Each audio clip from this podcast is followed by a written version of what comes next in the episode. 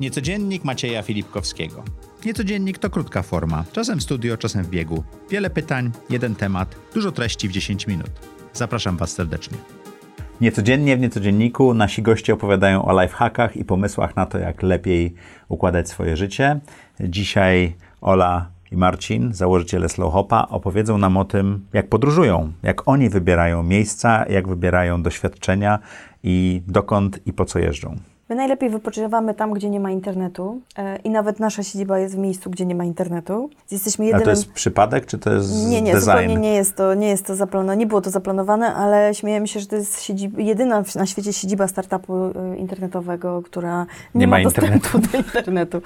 Także tak, tam e, odpoczywamy najlepiej, czyli wybieramy miejsca najchętniej takie, gdzie nie ma możliwości popracowania. I ja tam, szczerze mówiąc, najlepiej wypoczywam. Nie wiem jak to. Tak, mi się zdaje, że mamy trzy rodzaje, pod, cztery rodzaje podróży. To chyba jest takie jakby widoczne teraz, jak, jak czytałem o trendach, to pomyślałem sobie, o rzeczywiście to jest coś takiego, co my też robimy, bo mamy czasami różne cele. Jakby mamy podróże, gdzie jedziemy po to, żeby się zmęczyć i tam fizycznie coś porobić. Na przykład jak byliśmy na Camino, to pojechaliśmy po to, żeby sobie pospacerować, być ze sobą, e, I przejść dużo 250 km. Przejść 250 km.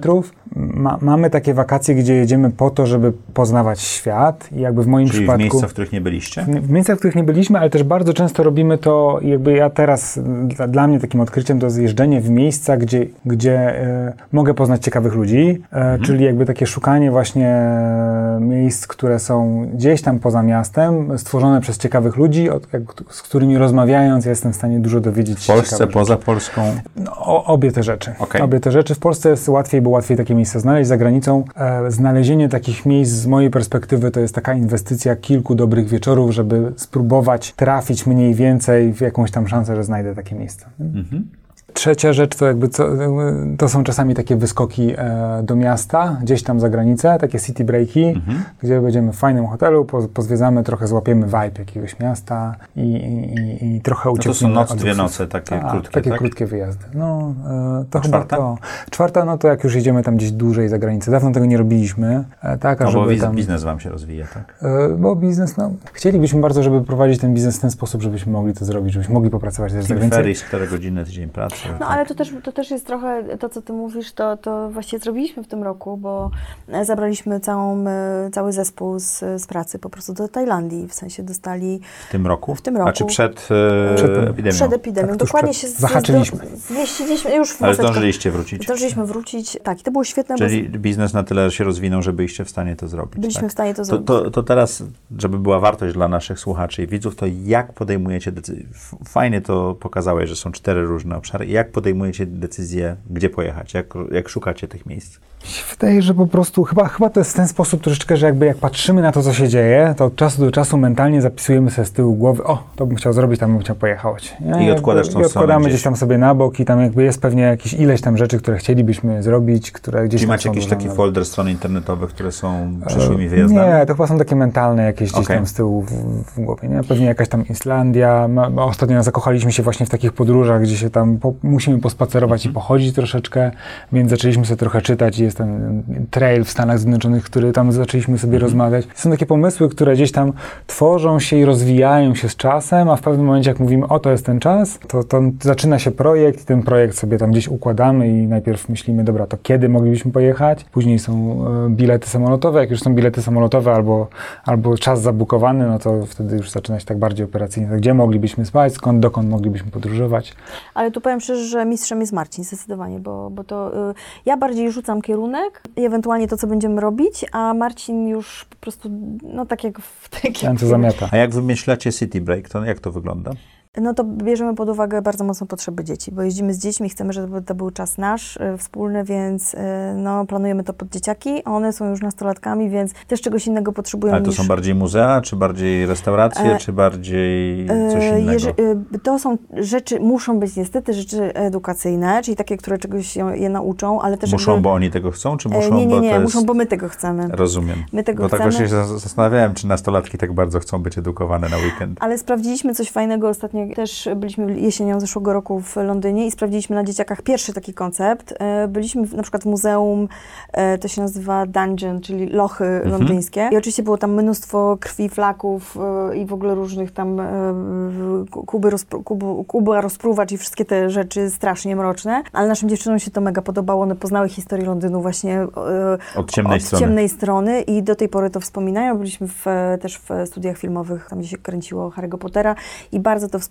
To było naprawdę fajne. Czyli też Czyli doświadczenia. w Paryżu można też zobaczyć e, całe podziemia Paryża. Też są takie wycieczki. Tak? A one teraz chcą jechać do Paryża, więc pewnie weźmiemy to pod uwagę. Czyli coś mrocznego, co takie nastolatki kręci, jakieś właśnie filmy, gdzie może jakieś seriale, tak, takie rzeczy. Także to bierzemy e, pod uwagę. Ja myślę, że to, co jest ważne jeszcze, to staramy się chyba nie, nie wyszukiwać miejsc czy atrakcji turystycznych, które są takie popularnymi atrakcjami turystycznymi. Czyli do Monalizy, do Louvru nie biegniecie? No raczej jakby nie lubimy stać w tej kolejce za bardzo, mhm.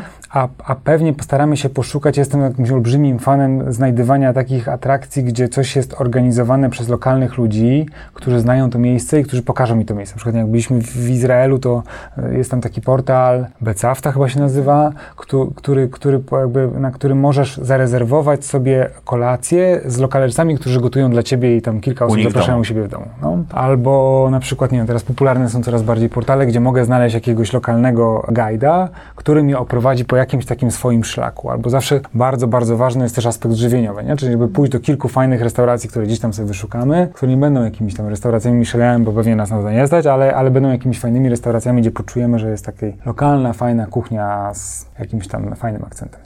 Czy wracacie do tych miejsc, w których już byliście?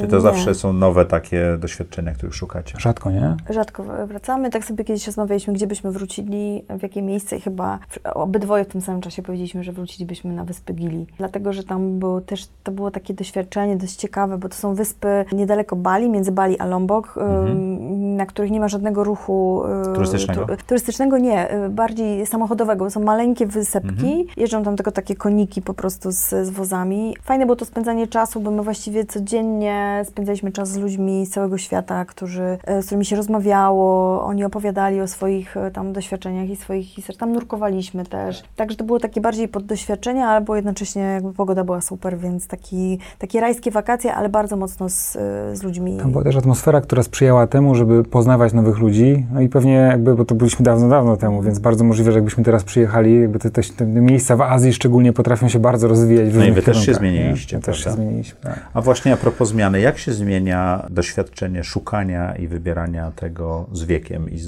z nabieraniem tych doświadczeń? Że tak, człowiek się robi coraz bardziej wygodny, czy coraz bardziej eksperymentuje w waszym wypadku? Myślę, że ja bym powiedziała, że eksperymentuje, że wychodzimy ze strefy komfortu ostatnio. Czyli mi się już zdaje... nie pięciogwiazdkowe hotele. Tak, tak. Mi się, mi się zdaje, że kiedyś podróżowaliśmy, na początku był all inclusive, czyli mhm. najwygodniejsze. Później się trochę odważyliśmy i tam zaczęliśmy podróżować z plecakami po Azji. No to było tanio i po Azji i też trochę taki jakby mainstream. Jakby zaczęliśmy, że ludzie z zachodu tak robią, my też potrafimy, więc też to zrobiliśmy. Później było dużo podróżowania samodzielnego, projektowania tego podróżowania, ale po hotelach, bo jest bezpieczniej. I teraz coraz bardziej wychodzimy poza utarty, utartych szlaków, nie? I to jest chyba takie fajne, że robi się coraz bardziej kreatywnie. A teraz e, w czasach zarazy podróże raczej bardziej lokalne, prawda? Czyli Polska. Wasze ulubione miejsce w Polsce to?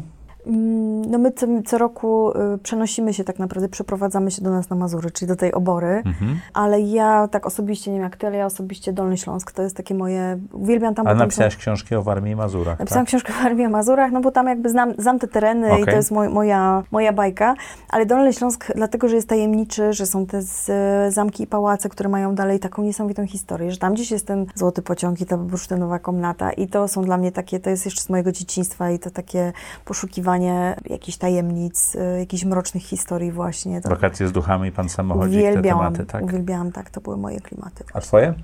A mi się zdaje, że ja, ja w ogóle od czasu, kiedy wystartowaliśmy z Hopat, ja na nowo odkrywam Polskę, bo do tej pory po doświadczenia, jak myślałem sobie, chcę wyjechać po doświadczenia, to myślałem, to muszę pojechać gdzieś daleko, do Afryki, do Azji, żeby doświadczyć naprawdę ekstremalnych rzeczy. Muszę pojechać za granicę gdzieś, bo tam poznam jakąś nową perspektywę i nowych ludzi, a, a się do, nauczyłem tego, że w Polsce jest coraz więcej miejsc, które, gdzie jakby ludzie z pasją tworzą ciekawe rzeczy, bo jest jakaś biebrzańska, jakaś, jest biebrzańska wiedźma, która, z którą mogę wskoczyć pod wodę, właśnie ona mi pokaże, e, jak biebrza wygląda pod wodą. Jest e, Łukasz, strasznie fajny człowiek, z którym mogę pojechać i, i, i, szukać razem wilków i on mi opowie, jak wygląda leśny ekosystem, jak wilki żyją, jak szukać ich śladów i może uda mi się jakiegoś zobaczyć i tak dalej, i tak dalej. Jest coraz więcej takich e, ludzi, którzy tworzą miejsca z pasją albo wydarzenia z pasją, gdzie mogę się niesamowitych rzeczy nauczyć. Czyli nie muszę lecieć na Ocean Południowy, żeby humbaki oglądać, tylko mogę zobaczyć wilki w, tak. polskich lasach. Tak? Na mojej takiej liście tudusów i coś, co strasznie chciałbym zrobić, ale jeszcze cały czas tak kroczek po kroczku idę w tym kierunku, to jest morsowanie na przykład. Nie? Jakby,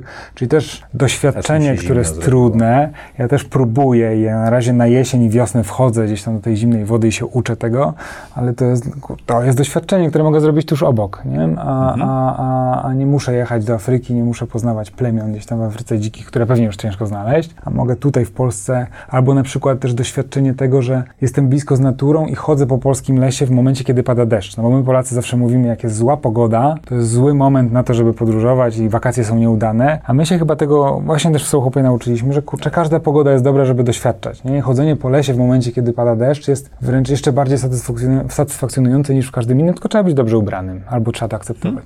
Dla mnie jest jeszcze jedno odkrycie odnośnie Polski, bo ja zawsze byłam trochę panikarą. Tu wiesz o tym, że jechaliśmy na przykład e, do, do Kostaryki. E, oczywiście ja się dowiadywałam, jakie są te niebezpieczne zwierzęta i ty, moje dzieciaki na samym początku nie dotykaj tego, nie dotykaj tego, bo to są śmiercionośne żaby, tam skorpiony i tak dalej. Za moje podróże było takie zawsze gdzieś tam w tle... Lekko nerwowe. Lekko nerwowe, że te dzieciaki coś czegoś dotkną albo nie wiem, e, Marcin dostał dengi w Kostaryce na przykład. No to nie jest, to, to, to są zawsze, trochę jednak jest takie ryzyko. A w Polsce ja mam wrażenie, że po prostu tu, tu nam się nic nie może wydarzyć, bo dengi czujesz się bezpiecznie? Ja się tak? tu czuję absolutnie bezpieczna, bo nawet y, żmija zegzakowata nie jest jakimś wielkim problemem. Y, no jedyne chyba naj, najbardziej niebezpieczną rzeczą, która może się zdarzyć w Polsce, to jest jak cię kleszcz ugryzie, ukąsi i to jest wszystko, więc jakby ta Polska jest w ogóle takim, no takim bardzo komfortowym miejscem, żeby, żeby sobie spokojnie zwiedzać też i oglądać. Dziękuję Wam ślicznie. Dziękuję Wam i lifehacki naszych gości w niecodziennikach co tydzień w środę.